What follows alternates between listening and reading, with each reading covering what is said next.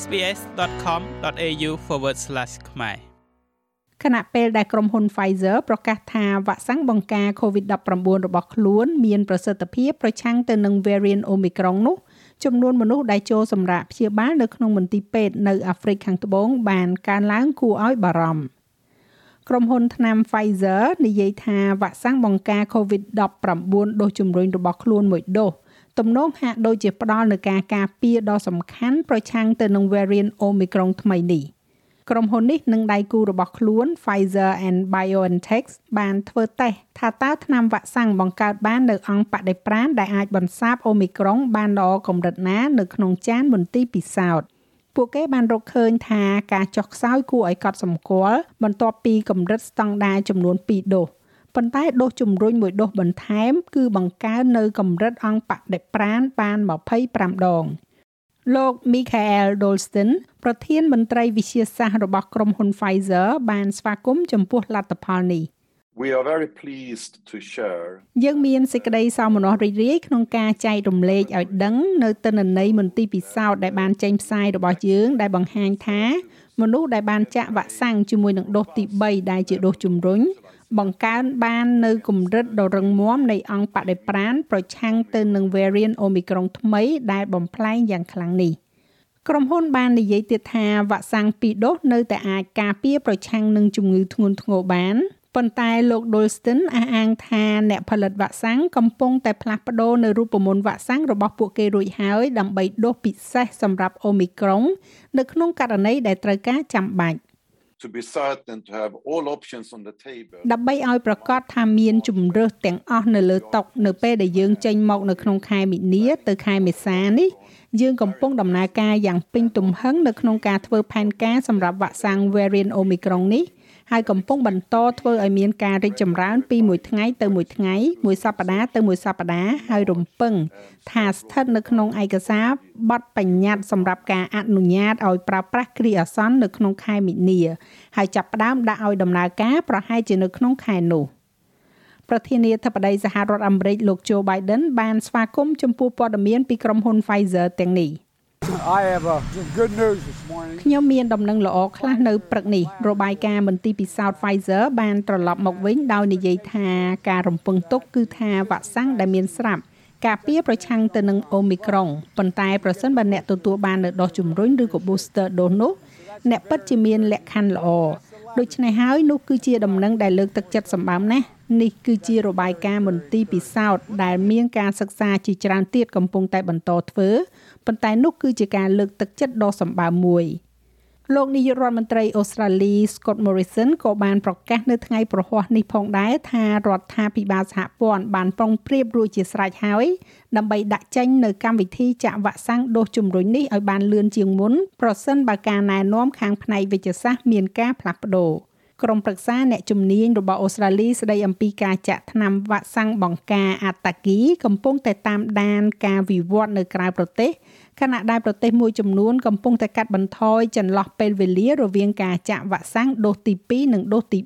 3លោក Morrison បញ្ជាក់ថាអាញាធរសុខាភិបាលកំពុងតែតាមដានការវិវត្តនៅខាងក្រៅប្រទេស they will continue to keep that under close watch ពួកគេនឹងបន្តឃ្លាំមើលយ៉ាងដិតដល់ថាតើវាអាចត្រូវបានបន្ថយពេលវេលាមកតិចជាងមុនជាមួយនឹងព័ត៌មានថ្មីដែរឬទេហើយយើងសូមគ្រប់គ្រងយ៉ាងមុតមមហើយយើងត្រៀមខ្លួនរួចជាស្រេចប្រសិនបើនោះជាអ្វីដែលពួកគេចង់ធ្វើ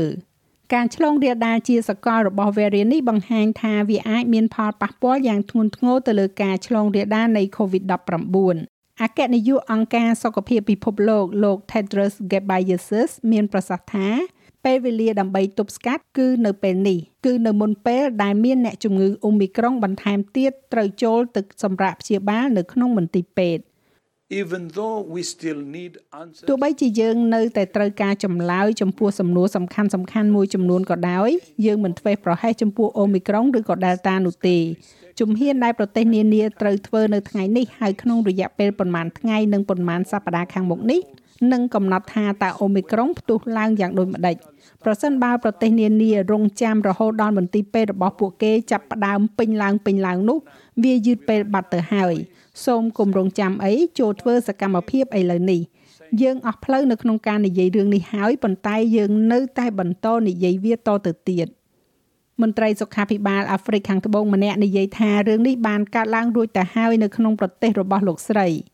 វិជ្ជបណ្ឌិត Vasila Chasat ដែលតាមដានការកើនឡើងនៃការចូលសម្រាប់ព្យាបាលនៅក្នុងមន្ទីរពេទ្យពីមួយសប្តាហ៍ទៅមួយសប្តាហ៍មានប្រសាសន៍ថា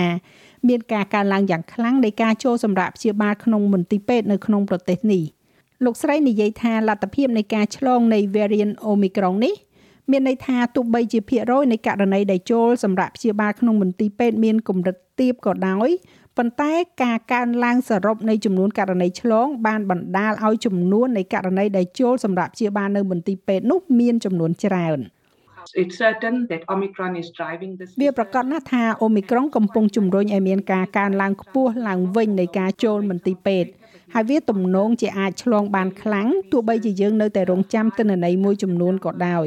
ប៉ុន្តែសម្លឹងមើលលើការកើនឡើងប្រចាំថ្ងៃចំនួនឆ្លងខ្ពស់ក្នុងមួយសប្តាហ៍ទៅមួយសប្តាហ៍ការកើនឡើងនៅក្នុងករណីឆ្លងនិងការចូលមន្ទីរពេទ្យវាទំនងជាថានេះគឺជា variant ដែលអាចឆ្លងបានលឿនដែលទទួលខុសត្រូវចំពោះការឆ្លងរាលដាលទាំងនេះដុកទ័រចាសាតនិយាយទៀតថាភាគច្រើននៃអ្នកសម្រាប់ព្យាបាលនៅក្នុងមន្ទីរពេទ្យមិនបានចាក់វ៉ាក់សាំងនោះទេ សូមបញ្ជាក់ថាអូមីក្រុងដែលត្រូវបានគេរកឃើញកាលពីចុងខែមុនផ្ទុកនៅ mutation មួយចំនួនធំខុសពីធម្មតា